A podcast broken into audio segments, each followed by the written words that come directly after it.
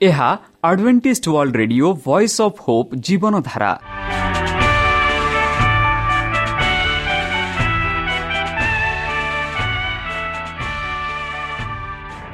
Odia radio କାର୍ଯ୍ୟକ୍ରମ ଯାହା ଆମର ଆନ୍ତର୍ଜାତୀୟ ଆଘାତ କେନ୍ଦ୍ରରୁ ପ୍ରସାରଣ କରାଯାଉଛି ପ୍ରତିଦିନ ରାତି ନଅଟା ତିରିଶ ମିନିଟ୍ରେ। ମୁଁ ସୁବ୍ରତ କୁମାର ପତି ପ୍ରେମର ସହ ଆପଣମାନଙ୍କୁ ଏହି କାର୍ଯ୍ୟକ୍ରମକୁ ସ୍ୱାଗତ କରୁଅଛି। ଚାଲନ୍ତୁ ଆଜିର ତିରିଶ ମିନିଟ୍ର କାର୍ଯ୍ୟକ୍ରମ ବିଷୟରେ ଜାଣିନେବା। ପ୍ରଥମେ ରଖିଛୁ ଆଧ୍ୟାତ୍ମିକ ଭକ୍ତିମୟ ଗୀତ। ଏହାପରେ ଶୁଣିବା ସ୍ୱାସ୍ଥ୍ୟ ବିଷୟରେ ଯାହା ଆମର ଦୈନିକ ଜୀବନରେ ଅତ୍ୟନ୍ତ ଜରୁରୀ। ଆଉ ପରିଶେଷରେ ଶୁଣିବା ପରମେଶ୍ୱରଙ୍କ ଭକ୍ତଙ୍କଠାରୁ ଜୀବନଦାୟକ ଈଶ୍ୱରଙ୍କ ବାକ୍ୟ। ପ୍ରିୟ ଶ୍ରୋତା ତାହେଲେ ଚାଲନ୍ତୁ ଶୁଣିବା ଏକ ଆଧ୍ୟାତ୍ମିକ ଭକ୍ତିମୟ ଗୀତ।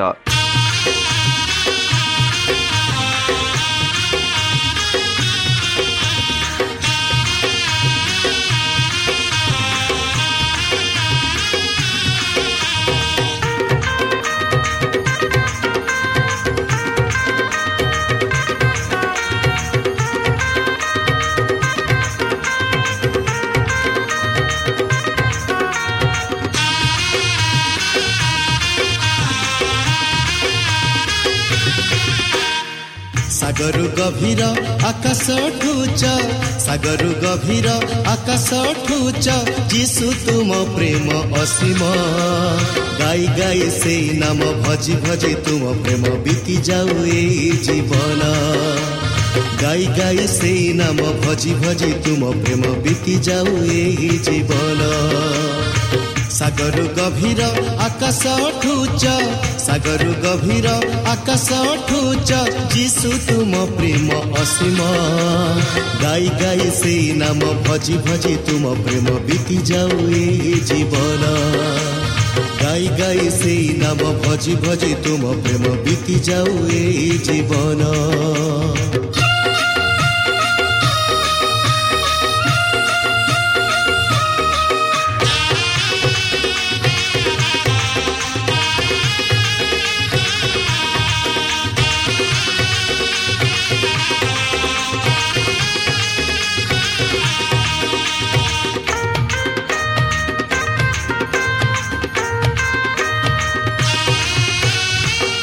ଅପବ୍ୟୟୀ ପୁତ୍ର ପରି ବୁଲୁଥିଲି ହୋଇ ପାଟ ବଣ ଦିନେ ମେଷ ମୁଁ ତୁମରି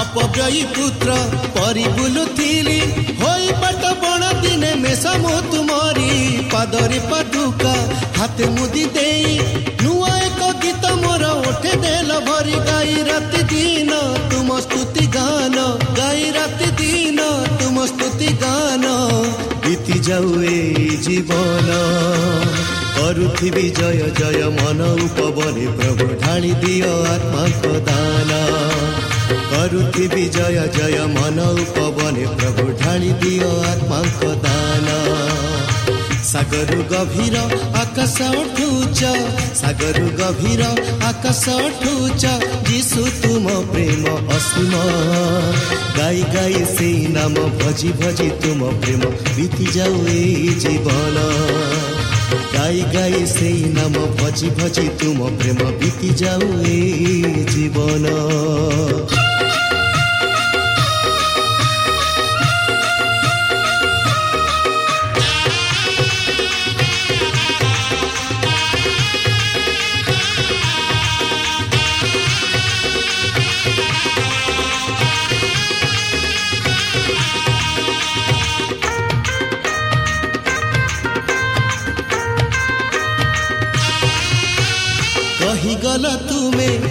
ନେଇ ଯିବ ଚିରକାଳ ସାଥେ ତୁମ ସରଗେ ରଖିବ।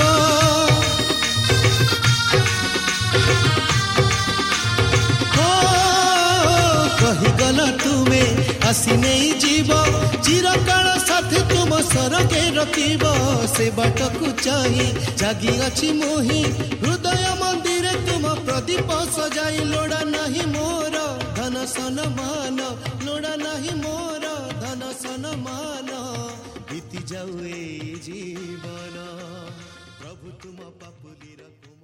प्रिय श्रोता आम आशा कार्यक्रम आपन्द लागु मत जाँदै आम ठिक आम ठिक जोगाजोग Media Centre SDA Mission Media Salisbury SDA Mission Compound एक पार्क पुणे 411037 महाराष्ट्र। ଶୂନ ତିନି ସାତ ମହାରାଷ୍ଟ୍ର ବା ଖୋଲନ୍ତୁ ଆମର ୱେବସାଇଟ୍ ଯେକୌଣସି Android phone smartphone desktop laptop କିମ୍ବା ଟ୍ୟାବ୍ଲେଟ୍ ଆମର website W W W dot A W R dot O R G slash O R I ଏବଂ W W W dot Adventist Media Centre India dot O R G ବର୍ତ୍ତମାନ ଚାଲନ୍ତୁ ଶୁଣିବା ଈଶ୍ୱରଙ୍କ ଭକ୍ତଙ୍କଠାରୁ ଈଶ୍ୱରଙ୍କ ଜୀବନଦାୟକ ବାକ୍ୟ ବାହାର ଦେଖାରେ ନୁହେଁ ନମସ୍କାର ପ୍ରିୟ ଶ୍ରୋତା ସେହି ସର୍ବଶକ୍ତି ସର୍ବଜ୍ଞାନୀ ପ୍ରେମର ସାଗର ଦୟାମୟ ଅନ୍ତର୍ଜମୀ ଅନୁଗ୍ରହ ପରମ ପିତାଙ୍କ ମଧୁର ନାମରେ ମୁଁ ପାଷ୍ଟ ପୂର୍ଣ୍ଣଚନ୍ଦ୍ର ଆଉ ଥରେ ଆପଣମାନଙ୍କୁ ଏହି କାର୍ଯ୍ୟକ୍ରମରେ ସ୍ୱାଗତ କରୁଅଛି। ପ୍ରିୟ ଶ୍ରୋତା ସେହି ସର୍ବଶକ୍ତି ପରମେଶ୍ୱର ଆପଣମାନଙ୍କୁ ଆଶୀର୍ବାଦ କରନ୍ତୁ। ଆପଣଙ୍କୁ ସମସ୍ତ ପ୍ରକାର ଦୁଃଖ କଷ୍ଟ ବାଧା କ୍ଲେଶରୁ ଦୂରେଇ ରଖନ୍ତୁ। ଶତ୍ରୁ ସୈତାନ ହସ୍ତରୁ ସେ ସୁରକ୍ଷାରେ ରଖନ୍ତୁ ତାହାଙ୍କ ପ୍ରେମ ତାହାଙ୍କ ସ୍ନେହ ତାହାଙ୍କ ଅନୁଗ୍ରହ ସଦାସର୍ବଦା ଆପଣଙ୍କଠାରେ ସହବର୍ତ୍ତୀ ରହୁ ବନ୍ଧୁ ଚାଲନ୍ତୁ ଆଜି ଆମ୍ଭେମାନେ କିଛି ସମୟ ପବିତ୍ର ଶାସ୍ତ୍ର ବାଇବଲଠୁ ତାହାଙ୍କ ଜୀବନଦାୟକ ବାକ୍ୟ ଧ୍ୟାନ କରିବା ଆଜିର ଆଲୋଚନା ହେଉଛି ବାହ୍ୟ ଉପର ବା ସହିତ ଦେଖାଇବା ନାହିଁ ବନ୍ଧୁ ବେଲେ ବେଲେ ଆମମାନେ ଯାହା ଆମେ କହୁଛୁ ଉପରିଆ ଦେଖାଇବା ଯାହା କରୁଛୁ ତାହା ଆମେ କରୁନାହୁଁ ବା ଦେଖା ଦେଖାଇବା ତାହା ଆମେ ବେଲେ ବେଲେ ବେଲେ କରୁନାହୁଁ ଚାଲନ୍ତୁ ପବିତ୍ର ଶାସ୍ତ୍ର ବାଇବଲ ଯାହା କହୁଛି ତା ବିଷୟରେ ଆମେ କିଛି ସମୟ ଆଲୋଚନା କରିବା ଈଶ୍ୱରଙ୍କ ରାଜ୍ୟ ବାହ୍ୟ ପ୍ରଦର୍ଶନ ସହିତ ଆସେ ନାହିଁ ମାର୍ଜନ ସେମାନେ ମଧ୍ୟ କହିବେ ନାହିଁ ଦେଖ ଏଠାରେ ଦେଖ କାରଣ ଦେଖ ଈଶ୍ୱରଙ୍କ ରାଜ୍ୟ ଆପଣଙ୍କ ଭିତରେ ଅଛି। କେତେକ ଫାରୁସି ଯୀଶୁଙ୍କ ନିକଟକୁ ଆସି ଈଶ୍ୱରଙ୍କ ରାଜ୍ୟ କେବେ ଆସିବ ବୋଲି ଦାବି କରିଥିଲେ। ବାପିଜଙ୍କ ଜହନଙ୍କ ବାର୍ତ୍ତା ଦେବାଠାରୁ ତିନି ବର୍ଷରୁ ଅଧିକ ସମୟ ବିତିଗଲା। ସେ ଯେ ଦେଶରେ ତୁରି ଡାକିବା ପରି ସ୍ୱର୍ଗ ରାଜ୍ୟ ପାଖେଇ ଆସୁଛି ବୋଲି ସେ ପ୍ରଚାର କରିଥିଲେ ଏବଂ ଏପର୍ଯ୍ୟନ୍ତ ଏହି ଫାରୁସିମାନେ ରାଜ୍ୟ ପ୍ରତିଷ୍ଠା ବିଷୟରେ କୌଣସି ସୂଚନା ଦେଖିନଥିଲେ। ଯେଉଁମାନେ ଜହନଙ୍କ ପ୍ରତ୍ୟାଖ୍ୟାନ କରିଥିଲେ ଏବଂ ପ୍ରତ୍ୟେକ ପଦପକ୍ଷରେ ଯୀଶୁଙ୍କୁ ବିରୋଧ କରିଥିଲେ ସେମାନେ କହିଥିଲେ ଯେ ତାଙ୍କର ମିଶନ ବିଫଳ ହୋଇଛି। ଯୀଶୁ ଉତ୍ତର ଦେଲେ ବନ୍ଧୁ ଈଶ୍ୱରଙ୍କ ରାଜ୍ୟ ବାହ୍ୟ ପ୍ରଦର୍ଶନ ସହିତ ଆସେ ନାହିଁ। ମାର୍ଜନ ସେମାନେ ମଧ୍ୟ କହିବେ ନାହିଁ ଦେଖ ଏଠାରେ ଦେଖ କାରଣ ଦେଖ ଈଶ୍ୱରଙ୍କ ରାଜ୍ୟ ଆପଣଙ୍କ ଭିତରେ ଅଛି। ଈଶ୍ୱରଙ୍କ ରାଜ୍ୟ ହୃଦୟରେ ଆରମ୍ଭ ହୁଏ ବନ୍ଧୁ। ଏହାର ଆଗମନକୁ ଚିହ୍ନିବା ପାଇଁ ପାର୍ଥିବ ଶକ୍ତିର ପ୍ରଦର୍ଶନ ପାଇଁ ଏଠାରେ କିମ୍ବା ସେଠାରେ ଦେଖାଯାଏ ନାହିଁ। ସେ ନିଜ ଶିଷ୍ୟମାନଙ୍କ ଆଡ଼କୁ ବୋଲି କହିଲେ ଦିନ ଆସିବ ଯେତେବେଳେ ତୁମେ ମନୁଷ୍ୟ ପୁତ୍ରଙ୍କର ଗୋଟିଏ ଦିନ ଦେଖିବାକୁ ଇଚ୍ଛା କରିବ। କିନ୍ତୁ ତୁମେ ତାହା ଦେଖିବ ନାହିଁ। କାରଣ ଏହା ସଂସାରିକ ସମ୍ପଦ ଦ୍ୱାରା ଉପସ୍ଥିତ ନଥାଏ। ତୁମେ ମୋର ମିଶନର ଗୌରବ ଜାଣିବାରେ ବିଫଳ ହେବାର ବିପଦରେ। ତୁମ୍ଭେ ବୁଝିପାରିବ ନାହିଁ ଯେ ତୁମ ମଧ୍ୟରେ ରହିବାରେ ତୁମର ବର୍ତ୍ତମାନ ସୌଭାଗ୍ୟ କେତେ ମହତ୍ଵ ଯଦିଓ ମାନବିକତାର ଆବୃତ ଯିଏ ଜୀବନ ଏବଂ ମନୁଷ୍ୟର ଆଲୋକ ଦିନ ଆସିବ ଯେତେବେଳେ ତୁମେ ଈଶ୍ୱରଙ୍କ ପୁତ୍ରଙ୍କ ସହିତ ଚାଲିବ ଏବଂ କଥାବାର୍ତ୍ତା କରିବାକୁ ଉପଭୋଗ କରୁଥିବା ସୁଯୋଗକୁ ଲାଲସା ସହିତ ପଛକୁ ଦେଖିବ। ବନ୍ଧୁ ସେମାନଙ୍କ ସ୍ୱାର୍ଥ ଏବଂ ପାର୍ଥିବ ଧେତୁ ଯୀଶୁ ଶିଷ୍ୟମାନଙ୍କ ମଧ୍ୟ ସେ ଆଧ୍ୟାତ୍ମିକ ଗୌରବକୁ ବୁଝିପାରିଲେ ନାହିଁ। ଯାହା ସେ ସେମାନଙ୍କୁ ପ୍ରକାଶ କରିବାକୁ ଚେଷ୍ଟା କଲେ। ଖ୍ରୀଷ୍ଟଙ୍କ ପିତାଙ୍କ ନିକଟକୁ ଆରୋହଣ ହେବା ପରେ ଏବଂ ବିଶ୍ୱାସୀଙ୍କ ଉପରେ ପବିତ୍ର ଆତ୍ମାଙ୍କ ନିର୍ଗତ ହେବା ପର୍ଯ୍ୟନ୍ତ ଶିଷ୍ୟମାନେ ଉଦ୍ଧାରକର୍ତ୍ତାଙ୍କ ଚରିତ୍ର ଏବଂ କାର୍ଯ୍ୟକୁ ସମ୍ପୂର୍ଣ୍ଣ ପ୍ରଶଂସା କଲେ। ସେମାନେ ଆତ୍ମାଙ୍କ ବାତ୍ମିଷ୍ମ ଗ୍ରହଣ କରିବା ପରେ ସେମାନେ ଅନୁଭବ କରିବାକୁ ଲାଗିଲେ ଯେ ସେମାନେ ଗୌରବ ପ୍ରଭୁଙ୍କ ଉପସ୍ଥିତିରେ ଅଛନ୍ତି। ଯେହେତୁ ଖ୍ରୀଷ୍ଟଙ୍କ କଥାଗୁଡ଼ିକ ସ୍ମରଣ କରାଗଲା ଭବିଷ୍ୟତବାଣୀ ଗୁଡ଼ିକୁ ବୁଝିବା ପାଇଁ ଏବଂ ସେ କରିଥିବା ଚମତ୍କାର ଗୁଡ଼ିକ ବୁଝିବା ପାଇଁ ସେମାନଙ୍କର ମନ ଖୋଲା ହେଲା। ତାଙ୍କ ଜୀବନର ଚମତ୍କାର ଗୁଡ଼ିକ ସେମାନଙ୍କ ଆଗରେ ଚାଲିଗଲା ଏବଂ ସେମାନେ ଯେପରି ସ୍ୱପ୍ନରୁ ଜାଗ୍ରତ ହୋଇଥିଲେ ସେମାନେ ହୃଦୟଙ୍ଗମ କଲେ ଯେ ବାକ୍ୟ ଶରୀରରେ ପରିଣତ ହେଲା ଏବଂ ଆମ ମଧ୍ୟରେ ବାସ କଲା ଏବଂ ଆମ୍ଭେମାନେ ତାହାଙ୍କ ଗୌରବ ପିତାଙ୍କ ଏକମାତ୍ର ସନ୍ତାନ ଭାବରେ ଗୌରବ ଦେଖିଲୁ ଏହିପରି ଜହନ ଲେଖନ୍ତି। ଜହନ ଏକ ଏକରେ। ଖ୍ରୀଷ୍ଟ ପ୍ରକୃତିରେ ଖ୍ରୀଷ୍ଟଙ୍କଠାରେ ଆଦମଙ୍କର ପତିତ ପୁତ୍ର ଓ ଝିଅମାନଙ୍କୁ ରକ୍ଷା କରିବା ପାଇଁ ଏକ ପାପି ଜଗତକୁ ଆସିଥିଲେ। ଶିଷ୍ୟମାନେ ବର୍ତ୍ତମାନ ଏହା ଅନୁଭବ କରିବା ଅପେକ୍ଷା ବହୁତ କମ୍ ଗୁରୁତ୍ୱପୂର୍ଣ୍ଣ ମନେ ହେଉଥିଲା। ସେମାନେ ତାଙ୍କ ବାକ୍ୟ ଏବଂ କାର୍ଯ୍ୟର ପୁନର୍ବୃତ୍ତି କରିବାକୁ କଦାପି କ୍ଳାନ୍ତ ହୋଇନଥିଲେ। ତାଙ୍କର ଶିକ୍ଷା ଯାହାକି ସେମାନେ ଅଳ୍ପ ମାତ୍ରାରେ ବୁଝୁଥିଲେ। ବର୍ତ୍ତମାନ ଏକ ନୂତନ ପ୍ରକାଶନ ଭାବରେ ସେମାନଙ୍କ ନିକଟକୁ ଆସିଲା। ଶାସ୍ତ୍ରଗୁଡ଼ିକ ସେମାନଙ୍କ ପାଇଁ ଏକ ନୂତନ ପୁସ୍ତକ ହେଲା। ଶିଷ୍ୟମାନେ ଖ୍ରୀଷ୍ଟଙ୍କ ସାକ୍ଷା ଦେଇଥିବା ଭବିଷ୍ୟତବାଣୀ ଗୁଡ଼ିକୁ ଅନୁସନ୍ଧାନ କଲାବେଳେ ସେମାନେ ଦେବତାଙ୍କ ସହ ସହଭାଗିତ ହେଲେ ଏବଂ ସେ ପୃଥିବୀର ଆରମ୍ଭ କରିଥିବା କାର୍ଯ୍ୟ ସମାପ୍ତ କରିବାକୁ ସ୍ୱର୍ଗକୁ ଯାଇଥିବା ବିଷୟରେ ଜାଣିଲେ। ସେମାନେ ଏହା ଜାଣିଲେ ଯେ ତାଙ୍କଠାରେ ଜ୍ଞାନ ବାସ କରିଥିଲେ ଯାହା କୌଣସି ମନୁଷ୍ୟ ଈଶ୍ୱରୀୟ ପ୍ରତିନିଧିତ୍ୱ ଦ୍ୱାରା ବୁଝିବା ବା ବୁଝିପାରିବେ ନାହିଁ। ରାଜା ଭବିଷ୍ୟତ ବକ୍ତା ଓ ଧାର୍ମିକ ଲୋକମାନେ ଭବିଷ୍ୟତ ବାଣୀ କରିଥିଲେ। ସେମାନେ ଆଶ୍ଚର୍ଯ୍ୟ ହୋଇ ତାଙ୍କ ଚରିତ୍ରକୁ ବା ଚରିତ୍ର ଏବଂ କାର୍ଯ୍ୟର ଭବିଷ୍ୟତବାଣୀ ବର୍ଣ୍ଣାଗୁଡ଼ିକ ପଢ଼ୁଥିଲେ ସେମାନେ ଭବିଷ୍ୟତବାଣୀ ଶାସ୍ତ୍ରଗୁଡ଼ିକ କେତେ ମାତ୍ରାରେ ବୁଝୁଥିଲେ। କୃଷ୍ଣଙ୍କ ସାକ୍ଷ୍ୟ ଦେଇଥିବା ମହାନ ସତ୍ୟକୁ ଗ୍ରହଣ କରିବାରେ ସେମାନେ କେତେ ଧୀର ଥିଲେ ବନ୍ଧୁ। ତାଙ୍କ ଅପମାନରେ ତାଙ୍କ ଅନାଇ ଗଲା। ଯେହେତୁ ସେ ମନୁଷ୍ୟମାନଙ୍କ ମଧ୍ୟରେ ଜଣେ ବ୍ୟକ୍ତି ଥିଲେ ସେମାନେ ତାଙ୍କ ଅବତାରର ରହସ୍ୟ ତାଙ୍କ ପ୍ରକୃତିର ଦୃଢ଼ତା ଚରିତ୍ର ବୁଝିପାରିଲେ ନାହିଁ। ସେମାନଙ୍କର ଆଖି ଧରିଥିଲା ଯାହାଫଳରେ ସେମାନେ ମାନବିକତାର ଈଶ୍ୱରୀଙ୍କୁ ସମ୍ପୂର୍ଣ୍ଣ ରୂପେ ଚିହ୍ନି ପାରିଲେ ନାହିଁ। କିନ୍ତୁ ସେମାନେ ପବିତ୍ର ଆତ୍ମାଙ୍କ ଦ୍ୱାରା ଆଲୋକିତ ହେବା ପରେ ସେମାନେ ପୁନର୍ବାର ତାଙ୍କୁ ଦେଖିବା ପାଇଁ ଏବଂ ନିଜ ପାଦ ତଳେ ନିଜକୁ ରଖିବାକୁ ଇଚ୍ଛା କଲେ।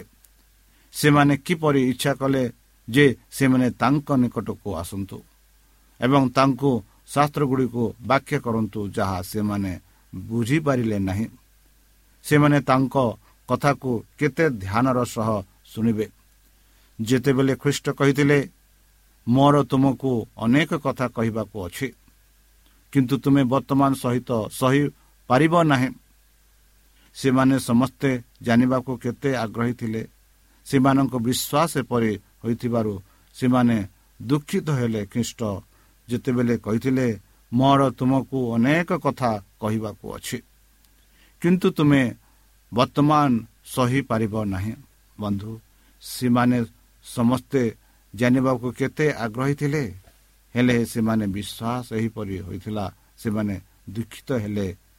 ଖ୍ରୀଷ୍ଟ ଯେତେବେଳେ କହିଥିଲେ ହେ ମୋର ଶିଷ୍ୟମାନେ ହେ ମୋର ଭାଇମାନେ ବନ୍ଧୁମାନେ ତୁମମାନଙ୍କୁ ମୁଁ ଅନେକ କଥା କହିବାକୁ ଅଛି। ବନ୍ଧୁ ଖ୍ରୀଷ୍ଟଙ୍କ ଆଗମନ ବିଷୟରେ ଘୋଷଣା କରିବା ପାଇଁ ଏବଂ ଜିହୁଦୀ ରାଷ୍ଟ୍ର ତଥା ଜଗତର ଧ୍ୟାନକୁ ତାଙ୍କ ମିଶନକୁ ଡାକିବା ପାଇଁ ଈଶ୍ୱରଙ୍କଠାରୁ ଏକ ଖବରତା ପଠାଯାଇଥିଲା। ଯେପରି ଲୋକମାନେ ତାଙ୍କୁ ଗ୍ରହଣ ପାଇଁ ପ୍ରସ୍ତୁତ ହୋଇପାରିବେ ଜହନ ଘୋଷଣା କରିଥିବା ଅଭୂତ ବ୍ୟକ୍ତିତ୍ୱ ସେମାନଙ୍କ ମଧ୍ୟରେ ତିରିଶ ବର୍ଷରୁ ଅଧିକ ସମୟ ଥିଲେ ଏବଂ ସେମାନେ ପ୍ରକୃତରେ ଈଶ୍ୱରଙ୍କ ଠାରୁ ପଠାଯାଇଥିବା ବ୍ୟକ୍ତି ଭାବରେ ତାଙ୍କୁ ଜାଣିନଥିଲେ। ଅନୁତାପ ବି ସେମାନଙ୍କ ଧରିଥିଲା କାରଣ ସେମାନେ ଅବିଶ୍ୱାସ କରୁଥିବା ଅବିଶ୍ୱାସଙ୍କୁ ସେମାନଙ୍କ ମତାମତଙ୍କୁ ଖମିର କରିବାକୁ ଏବଂ ସେମାନଙ୍କୁ ବୁଝାମଣାକୁ ଅନୁମତି ଦେଇଥିଲେ। ଏହି ଅନ୍ଧକାରର ଦୁନିଆର ଆଲୋକ ଏହାର ଅନ୍ଧକାରର ମଧ୍ୟରେ ଲସି ଉଠିଥିଲା। ସେମାନେ ନିଜକୁ ପଚାରିଲେ କାହିଁକି ସେମାନେ ଏପରି ଏକ ପାଠ୍ୟକ୍ରମ ଅନୁସରଣ କଲେ ଯାହା ଖ୍ରୀଷ୍ଟଙ୍କ ପାଇଁ ସେମାନଙ୍କୁ ଭର୍ଜନା କରିବା ଆବଶ୍ୟକ କଲା? ସେମାନେ ପ୍ରାୟତଃ ତାଙ୍କ ବାର୍ତ୍ତା ଫଳାକୁ ବାରମ୍ବାର କହିଥିଲେ। ଏବଂ କହିଥିଲେ ଆମେ କାହିଁକି ପାର୍ଥିବ ବିଚାର ଏବଂ ପୁରୋହିତ ଏବଂ ରାବଣଙ୍କ ବିରୋଧକୁ ଆମର ଇନ୍ଦ୍ର ଗୁଡ଼ିକୁ ବିଭ୍ରାନ୍ତ କରିବାକୁ ଅନୁମତି ଦେଲୁ? ଅତଏବେ ଆମ୍ଭେମାନେ ବୁଝିପାରିଲୁ ନାହିଁ ଯେ ମଶାଙ୍କ ଠାରୁ ମହାନ ସୋଲମଙ୍କ ଠାରୁ ଜଣେ ଜ୍ଞାନୀ ଆମକୁ ଶିକ୍ଷା ଦେଉଛନ୍ତି କି? ଆମର କାନ କେତେ ନିର୍ଭୋଧ ଥିଲା ଆମେ ବୁଝାମଣା କେତେ ଦୁର୍ବଳ ଥିଲା। ରୋମିଓ ସୈନିକମାନଙ୍କ ଦ୍ୱାରା ହୋଇଥିବା କ୍ଷତରେ ଆଙ୍ଗୁଠି ନ ପକାଇବା ପର୍ଯ୍ୟନ୍ତ ଥମାସ ବିଶ୍ୱାସ କରିବେ ନାହିଁ ବୋଲି ସେ କହିଥିଲେ। ପିତର ତାଙ୍କର ଅପମାନ ଏବଂ ପ୍ରତ୍ୟାଖ୍ୟାନରେ ତାଙ୍କୁ ଅସ୍ୱୀକାର କରିଥିଲେ ବନ୍ଧୁ। ଏହି ଯନ୍ତ୍ରଣାଦାୟକ ସ୍ମୃତି ଗୁଡ଼ିକ ସେମାନଙ୍କ ଆଗରେ ଭିନ୍ନ ଧାଡ଼ିରେ ଆସିଥିଲା। ସେମାନେ ତାଙ୍କ ସହିତ ଥିଲେ କିନ୍ତୁ ସେମାନେ ତାହାଙ୍କୁ ଜାଣିନଥିଲେ। କିନ୍ତୁ ପ୍ରଶଂସା କରିନଥିଲେ। କିନ୍ତୁ ଏହିସବୁ ଜିନିଷ ବର୍ତ୍ତମାନ ସେମାନଙ୍କର ହୃଦୟକୁ ଉତ୍ତେଜିତ କଲାବେଳେ ସେମାନେ ସେମାନଙ୍କର ଅବିଶ୍ୱାସକୁ ଚିହ୍ନିଲେ। ଯାଜକ ଓ ଶାସକମାନେ ସେମାନଙ୍କ ବିରୁଦ୍ଧରେ ଏକତ୍ରିତ ହେଲେ ଏବଂ ସେମାନଙ୍କୁ ପରିଷଦ ସମ୍ମୁଖରେ ଅଣାଯାଇ କାରାଗାରରେ ରଖାଗଲା। ପୃଷ୍ଠଙ୍କ ଅନୁଗାମୀମାନେ ଆନନ୍ଦିତ ହେଲେ ଯେ ସେମାନେ ତାଙ୍କ ନାମ ପାଇଁ ଲଜ୍ଜାଜନକ ଯୋଗ୍ୟ ବିବେଚିତ ହୋଇଥିଲେ। ଏହିପରି ପ୍ରେରିତ ପାଞ୍ଚ ଏକଚାଳିଶରେ ଲେଖାଯାଇଛି ବନ୍ଧୁ ସେମାନେ ମନୁଷ୍ୟ ଦୂତମାନଙ୍କ ଆଗରେ ପ୍ରମାଣ କରିବାକୁ ଆନନ୍ଦିତ ହେଲେ ଯେ ସେମାନେ ଖ୍ରୀଷ୍ଟଙ୍କ ଗୌରବକୁ ଚିହ୍ନିଥିଲେ ଏବଂ ସମସ୍ତ ଜିନିଷ ହରାଇ ତାଙ୍କୁ ଅନୁସରଣ କରିବାକୁ ମନୋନୀତ ହୋଇଥିଲେ। ପ୍ରେରିତ ଦିନ ପରି ବର୍ତ୍ତମାନ ମଧ୍ୟ ଏହା ସତ୍ୟ ଯେ ଈଶ୍ୱରୀୟ ଆତ୍ମାଙ୍କ ଆଲୋକ ବିନା ମାନବିକତା ଖ୍ରୀଷ୍ଟଙ୍କ ଗୌରବ ଜାଣିବା ପାଇଁ ପାରିପାରିବ ନାହିଁ ଏବଂ ବିଶ୍ୱାସ ପ୍ରେମୀ ତଥା ଆପୋଷ ଖ୍ରୀଷ୍ଟିଆନ ମାନେ ବୁଝୁଥିବା ଖ୍ରୀଷ୍ଟିଆନ ଧର୍ମ ଦ୍ୱାରା ଈଶ୍ୱରଙ୍କ କାର୍ଯ୍ୟ ଅମୂଲ୍ୟ ଅଟେ। ସହଜାତା ପାର୍ଥିବ ସମ୍ମାନ କିମ୍ବା ସାଂସାରିକ ଅନୁରୂପ ଉପାୟରେ ନୁହେଁ। ଗୁରୁଙ୍କ ଅନୁଗାମୀମାନେ ପାଇଛନ୍ତି ସେମାନେ ବହୁ ଆଗରେ ପରିଶ୍ରମ ଅପମାନ ଏବଂ ଅପମାନ ଯୁଦ୍ଧର ସାମନାରେ ଆଚାର୍ଯ୍ୟଙ୍କ ବିରୁଦ୍ଧରେ ଶକ୍ତି ବିରୁଦ୍ଧରେ ଏହି ଅନ୍ଧକାରର ବିଶ୍ୱ ଶାସକମାନଙ୍କ ବିରୁଦ୍ଧରେ ସ୍ୱର୍ଗର ଦୁଷ୍ଟତା ଆଧ୍ୟାତ୍ମିକ ହୋଷ୍ଟ ବିରୁଦ୍ଧରେ ସ୍ଥାନଗୁଡ଼ିକ ଏବଂ ବର୍ତ୍ତମାନ ଭାବରେ ଖ୍ରୀଷ୍ଟିୟନର ଦିନ ସେମାନେ ଏବଂ ଅପମାନିତ ଏବଂ ଉପଦ୍ରବ ଯାଜକ ଓ ସେମାନଙ୍କ ସମୟ ଫାରୁସି ଦ୍ୱାରା ଅଟେ। ଈଶ୍ୱରଙ୍କ ରାଜ୍ୟ ବାହ୍ୟ ସ୍ୱ ସହିତ ଆସେ ନାହିଁ ବନ୍ଧୁ। ଈଶ୍ୱରଙ୍କ ଅନୁଗ୍ରହର ସୁସମାଚାର ଏହାର। ଆତ୍ମା ନିର୍ଭରଶୀଳତାର ଆତ୍ମା ସହିତ କେବେ ବି ଜଗତର ଆତ୍ମା ସହିତ ସମାନ ହୋଇପାରିବ ନାହିଁ। ଦୁଇଟି ନୀତି ବିରୋଧୀ ଅଟେ। ପ୍ରାକୃତିକ ମନୁଷ୍ୟ ଈଶ୍ୱରଙ୍କ ଆତ୍ମାକୁ ଗ୍ରହଣ କରେ ନାହିଁ। କାରଣ ସେମାନଙ୍କୁ ତାଙ୍କ ପାଇଁ ମୂର୍ଖତା କିମ୍ବା ସେ ସେମାନଙ୍କୁ ଜାଣିପାରିବେ ନାହିଁ। କାରଣ ସେମାନେ ଆଧ୍ୟାତ୍ମିକ ଭାବରେ ବିବେଚିତ ହୋଇଥିଲେ। କିନ୍ତୁ ଆଜି ଧାର୍ମିକ ଦୁନିଆରେ ବହୁତ ଲୋକ ଅଛନ୍ତି ବନ୍ଧୁ ଯେଉଁମାନେ ବିଶ୍ୱାସ କରନ୍ତି ଯେ ପୃଥିବୀର ତଥା ସାମୟିକ ଆଧିପତ୍ୟ ଭାବରେ ଖ୍ରୀଷ୍ଟଙ୍କ ରାଜ୍ୟ ପ୍ରତିଷ୍ଠା ପାଇଁ କାର୍ଯ୍ୟ କରୁଛନ୍ତି। ସେମାନେ ଆମର ପ୍ରଭୁଙ୍କ ଏହି ଜଗତର ରାଜ୍ୟଗୁଡ଼ିକର ଶାସକ। ଏହାର ପ୍ରାଙ୍ଗଣ ଏବଂ ଶିବିରରେ ଶାସକ। ଏହାର ବିଧାନସଭା ହଲ୍ ପ୍ରସାଦ ଏବଂ ବଜାର ସ୍ଥାନ କରିବାକୁ ଇଚ୍ଛା କରନ୍ତି। ସେମାନେ ଆଶା କରନ୍ତି ଯେ ମାନବିକ ଅଧିକାର ଦ୍ୱାରା ବାଧ୍ୟତାମୂଳକ ଆଇନଗତ ନିୟମ ମାଧ୍ୟମରେ ସେ ଶାସକ ଶାସନ କରିବେ। ଯେହେତୁ ଖ୍ରୀଷ୍ଟ ବର୍ତ୍ତମାନ ବ୍ୟକ୍ତିଗତ ଭାବରେ ନାହାନ୍ତି ସେମାନେ ନିଜେ ତାଙ୍କ ସ୍ଥାନରେ କାର୍ଯ୍ୟ କରିବାକୁ ତାଙ୍କ ରାଜ୍ୟରେ ନିୟମ ପାଳନ କରିବାକୁ ଦାୟିତ୍ୱ ଗ୍ରହଣ କରିବେ। ଖ୍ରୀଷ୍ଟଙ୍କ ସମୟରେ ଯେଉଁଦୀମାନେ ଏହିପରି ରାଜ୍ୟ ପ୍ରତିଷ୍ଠା କରିଥିଲେ ସେମାନେ ଯୀଶୁଙ୍କ ଗ୍ରହଣ କରିଥାନ୍ତେ ଯଦି ସେ ଏକ ସାମାୟିକ ଆଧିପତ୍ୟ ପ୍ରତିଷ୍ଠା କରିବାକୁ ସେମାନେ ଈଶ୍ୱରଙ୍କ ନିୟମ ଭାବରେ ବିବେଚନା କରୁଥିବା ବିଷୟକୁ କାର୍ଯ୍ୟକାରୀ କରିବାକୁ ଏବଂ ସେମାନଙ୍କୁ ତାଙ୍କ ଇଚ୍ଛାର ପ୍ରକାଶର ଏବଂ ତାଙ୍କ କର୍ତ୍ତପକ୍ଷକୁ ଏଜେଣ୍ଟ କରିବାକୁ ଇଚ୍ଛୁକ ଥିଲେ କିନ୍ତୁ ସେ କହନ୍ତି ଯୀଶୁ ଯେଉଁ ସରକାରରେ ବାସ କରେ ସେ ଦୁର୍ନୀତିଗ୍ରସ୍ତ ଏବଂ ଦଳିତ ଥିଲେ। ପ୍ରତ୍ୟେକ ହାତରେ ଅପମାନ କାନ୍ଦିବା ଅସହିଷ୍ଣୁତା ଏବଂ ନିଷ୍ଠୁରତା କାନ୍ଦୁଥିଲେ। ତଥାପି ତ୍ରାଣକର୍ତ୍ତା କୌଣସି ନାଗରିକ ସଂସ୍କାର ପାଇଁ ଚେଷ୍ଟା କଲେ ନାହିଁ। ସେ କୌଣସି ଜାତୀୟ ଅତ୍ୟାଚାରର ଉପରେ ଆକ୍ରମଣ କରିନଥିଲେ କିମ୍ବା ଜାତୀୟ ଶତ୍ରୁମାନଙ୍କୁ ନିନ୍ଦା କରିନଥିଲେ ସେ କ୍ଷମତାର ଥିବା ଲୋକଙ୍କ ଅଧିକାର କିମ୍ବା ପ୍ରଶାସନରେ ହସ୍ତପେକ୍ଷ କରିନଥିଲେ ଯିଏ ଆମର ଉଦାହରଣ ଥିଲେ ସେ ପାର୍ଥିବ ସରକାରକୁ ଦୂରେଇ ରହିଲେ। ସେ ମଣିଷର ଦୁଃଖ ପ୍ରତି ଉଦାସୀନ ଥିବାରୁ ନୁହେଁ ବରଂ ଏହାର ପ୍ରତିକାର କେବଳ ମାନବ ଏବଂ ବାହ୍ୟ ଉପାୟରେ ମିଳେ ନାହିଁ। ଫଳପ୍ରଦ ହେବା ପାଇଁ ଉପଶ୍ରମ ନିଶ୍ଚିତ ଭାବରେ ପୁରୁଷମାନଙ୍କ ନିକଟରେ ପହଞ୍ଚି ଆବଶ୍ୟକ ଏବଂ ହୃଦୟକୁ ପୁନର୍ନିର୍ମାଣ କରିବା ଆବଶ୍ୟକ ବନ୍ଧୁ।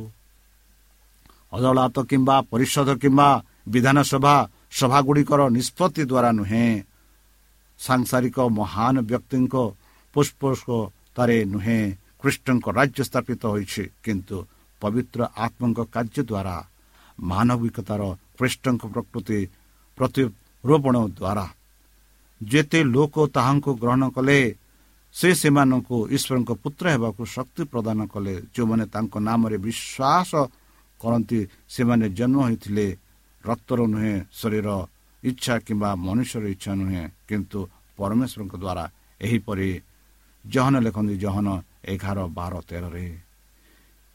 ଏକ ଏଗାର ବାର ତେରରେ ଏଠାରେ ଏକମାତ୍ର ଶକ୍ତି ଅଛି ଯାହା ବନ୍ଧୁ ମାନବିକତା ବା ମାନବ ଜାତିର ଉନ୍ନତି କାର୍ଯ୍ୟ କରିପାରିବ। ଏବଂ ଏହି କାର୍ଯ୍ୟର ସଫଳତା ପାଇଁ ମାନବ ଏକ ପ୍ରତିନିଧି ହେଉଛି। ଈଶ୍ୱରଙ୍କର ବାକ୍ୟ ଶିକ୍ଷା ଏବଂ ଅବଶ୍ୟ ଅଭ୍ୟାସ ଯେତେବେଳେ ପ୍ରେରିତ ପାଉଲ କରନ୍ତି ତାଙ୍କର ସେବା ଆରମ୍ଭ କଲେ ସେହି ଜନବହୁଳ ଧନୀ ଏବଂ ଦୃଷ୍ଟ ସହର ଜାତିସଂଘର ନାମହୀନ ମନ୍ଦ ଦ୍ୱାରା ପ୍ରଶୁଭିତ ହେଲା। ସେ କହିଲା ମୁଁ ତୁମ ମଧ୍ୟରେ କିଛି ଜାଣିବାକୁ ସ୍ଥିର କଲି ନାହିଁ। ଯୀଶୁ ଖ୍ରୀଷ୍ଟଙ୍କ କୃଷରେ ଚଢ଼ାଇ ଦେଲି ଦେଲି। ଏହାପରେ ଯେଉଁମାନେ କିଛି ଖରାପ ପାପ ଦ୍ୱାରା ଭ୍ରଷ୍ଟ ହୋଇଥିଲେ ସେମାନଙ୍କ ବିଷୟରେ ଲେଖି ସେ କହିପାରନ୍ତି କିନ୍ତୁ ସେମାନେ ଧୋଇ ହୋଇଛନ୍ତି। କିନ୍ତୁ ତୁମେ ପବିତ୍ର ହୋଇଛ କିନ୍ତୁ ପ୍ରଭୁ ତୁ ଯୀଶୁଙ୍କ ନାମରେ ଏବଂ ଆମ ଈଶ୍ୱରଙ୍କ ଆତ୍ମା ଦ୍ୱାରା ତୁମେ ଧାର୍ମିକ ହୋଇଛ। ମୁଁ ତୁମ ପାଇଁ ମୋର ଈଶ୍ୱରଙ୍କ ସର୍ବଦା ଧନ୍ୟବାଦ ଦେଉଛି। ଈଶ୍ୱରଙ୍କ କୃପା ପାଇଁ ଯାହା ତୁମକୁ ଯୀଶୁଖ୍ରୀଷ୍ଟଙ୍କୁ ପ୍ରଦାନ କରିଛନ୍ତି। ଏହିପରି ସାଧୁ ପାଉଲ ପ୍ରାର୍ଥନା କରନ୍ତି। ବନ୍ଧୁ ବର୍ତ୍ତମାନ ଖ୍ରୀଷ୍ଟଙ୍କ ସମୟ ପରେ ଈଶ୍ୱରଙ୍କ ରାଜ୍ୟର କାର୍ଯ୍ୟ ଯେଉଁମାନେ ପାର୍ଥିବ ଶାସକ ତଥା ମାନବ ନିୟମ ଦ୍ୱାରା ସ୍ୱୀକୃତି ଏବଂ ସମର୍ଥନ ପାଇଁ ଚିତ୍କାର କରିବାକୁ ସେମାନଙ୍କ ଉପରେ ନୁହେଁ। ସେମାନେ ତାଙ୍କ ନାମରେ ଲୋକମାନଙ୍କୁ ସେହି ଆଧ୍ୟାତ୍ମିକ ସତ୍ୟ ଗୁଡ଼ିକ ଘୋଷଣା କରୁଛନ୍ତି ସେମାନଙ୍କ ସହିତ ଅଛନ୍ତି। ପାଳଙ୍କ ଅଭିଜ୍ଞାତ ଗ୍ରହଣ କରେ। ମୁଁ କୃଷ୍ଣଙ୍କ ସହିତ କୃଷରେ ଚଢ଼ିଲି। ତଥାପି ମୁଁ ବଞ୍ଚେ ତଥାପି ମୁଁ ନୁହେଁ କିନ୍ତୁ ଖ୍ରୀଷ୍ଟ ମୋ ଠାରେ ବାସ କରେ। ବନ୍ଧୁ ଗାଲାତୀୟ ପ୍ରତି ଗାଲାତୀ ଦୁଇ କୋଡ଼ିଏରେ ଏହିପରି ସାଧୁ ପାଲ ଲେଖନ୍ତି। ବନ୍ଧୁ ତାପରେ ସେମାନେ ଲୋକମାନଙ୍କ ସୁବିଧା ପାଇଁ ପାଲଙ୍କ ପରି ପରିଶ୍ରମ କରିବେ। ସେ କହିଥିଲେ ବର୍ତ୍ତମାନ ଆମେମାନେ ଖ୍ରୀଷ୍ଟଙ୍କ ପାଇଁ ରାଷ୍ଟ୍ରଦୂତ ଅଟୁ। ଯେପରି ଈଶ୍ୱର ଆମକୁ ଅନୁରୋଧ କରୁଛନ୍ତି ଆମେମାନେ ଖ୍ରୀଷ୍ଟଙ୍କ ସ୍ଥାନରେ ପ୍ରାର୍ଥନା କରୁଛୁ ତୁମେ ଈଶ୍ୱରଙ୍କ ପୁନର୍ନିର୍ମାଣ ହୁଅ ଏହା ହିଁ ମୋର ପ୍ରାର୍ଥନା ବନ୍ଧୁ ଆପଣଙ୍କ ପାଇଁ। ଆପଣମାନେ ମଧ୍ୟ କୃଷ୍ଣଙ୍କ ଠାରେ ପୁନଃ ମିଳିତ ହୁଅନ୍ତୁ। ଯେପରି ସେହି ଖ୍ରୀଷ୍ଟଙ୍କ ନାମରେ ସେହି ଖ୍ରୀଷ୍ଟଙ୍କ ସାହାଯ୍ୟରେ ଆପଣମାନେ ଆନନ୍ଦ ଜୀବନ ପ୍ରାପ୍ତ ପାଇପାରିବେ ତାହେଲେ ଚାଲନ୍ତୁ ନିଜ ଜୀବନ ତାଙ୍କଠାରେ ସମର୍ପଣ କରି ତାଙ୍କ ମଧୁର ନାମରେ ଆମେ ପ୍ରାର୍ଥନା ଉତ୍ସର୍ଗ କରିବା। ହେ ଆମମାନଙ୍କ ସର୍ବଶକ୍ତି ସର୍ବଜ୍ଞାନୀ ପ୍ରେମର ସାଗର ଦୟାମୟ ଅନ୍ତର୍ଜମୀ ଅନୁଗ୍ରହ ପିତା ଧନ୍ୟବାଦ ଅର୍ପଣ କରୁଅଛୁ। ବର୍ତ୍ତମାନ ଯେଉଁ ବାକ୍ୟ ତୁମ ସେହି ଭକ୍ତଙ୍କ ଦ୍ୱାରା ଶୁଣାଇଲ ସେହି ବାକ୍ୟ ଅନୁସାରେ ଏମାନଙ୍କୁ ଚାଲିବା ପାଇଁ ବୁଦ୍ଧିରେ ଜ୍ଞାନରେ ଶକ୍ତିରେ ପରିପୂର୍ଣ୍ଣ କର। ପ୍ରଭୁ ବିଶେଷ ରୂପରେ ମୁଁ ଏହି ଶ୍ରୋତାମାନଙ୍କ ପାଇଁ ପ୍ରାର୍ଥନା କରୁଛି ତୁମ ସେହି ବୁଦ୍ଧି ଜ୍ଞାନରେ ପରିପୂର୍ଣ୍ଣ କର। ସେହି ପବିତ୍ର ଆତ୍ମା ଦ୍ୱାରା ସେମାନଙ୍କୁ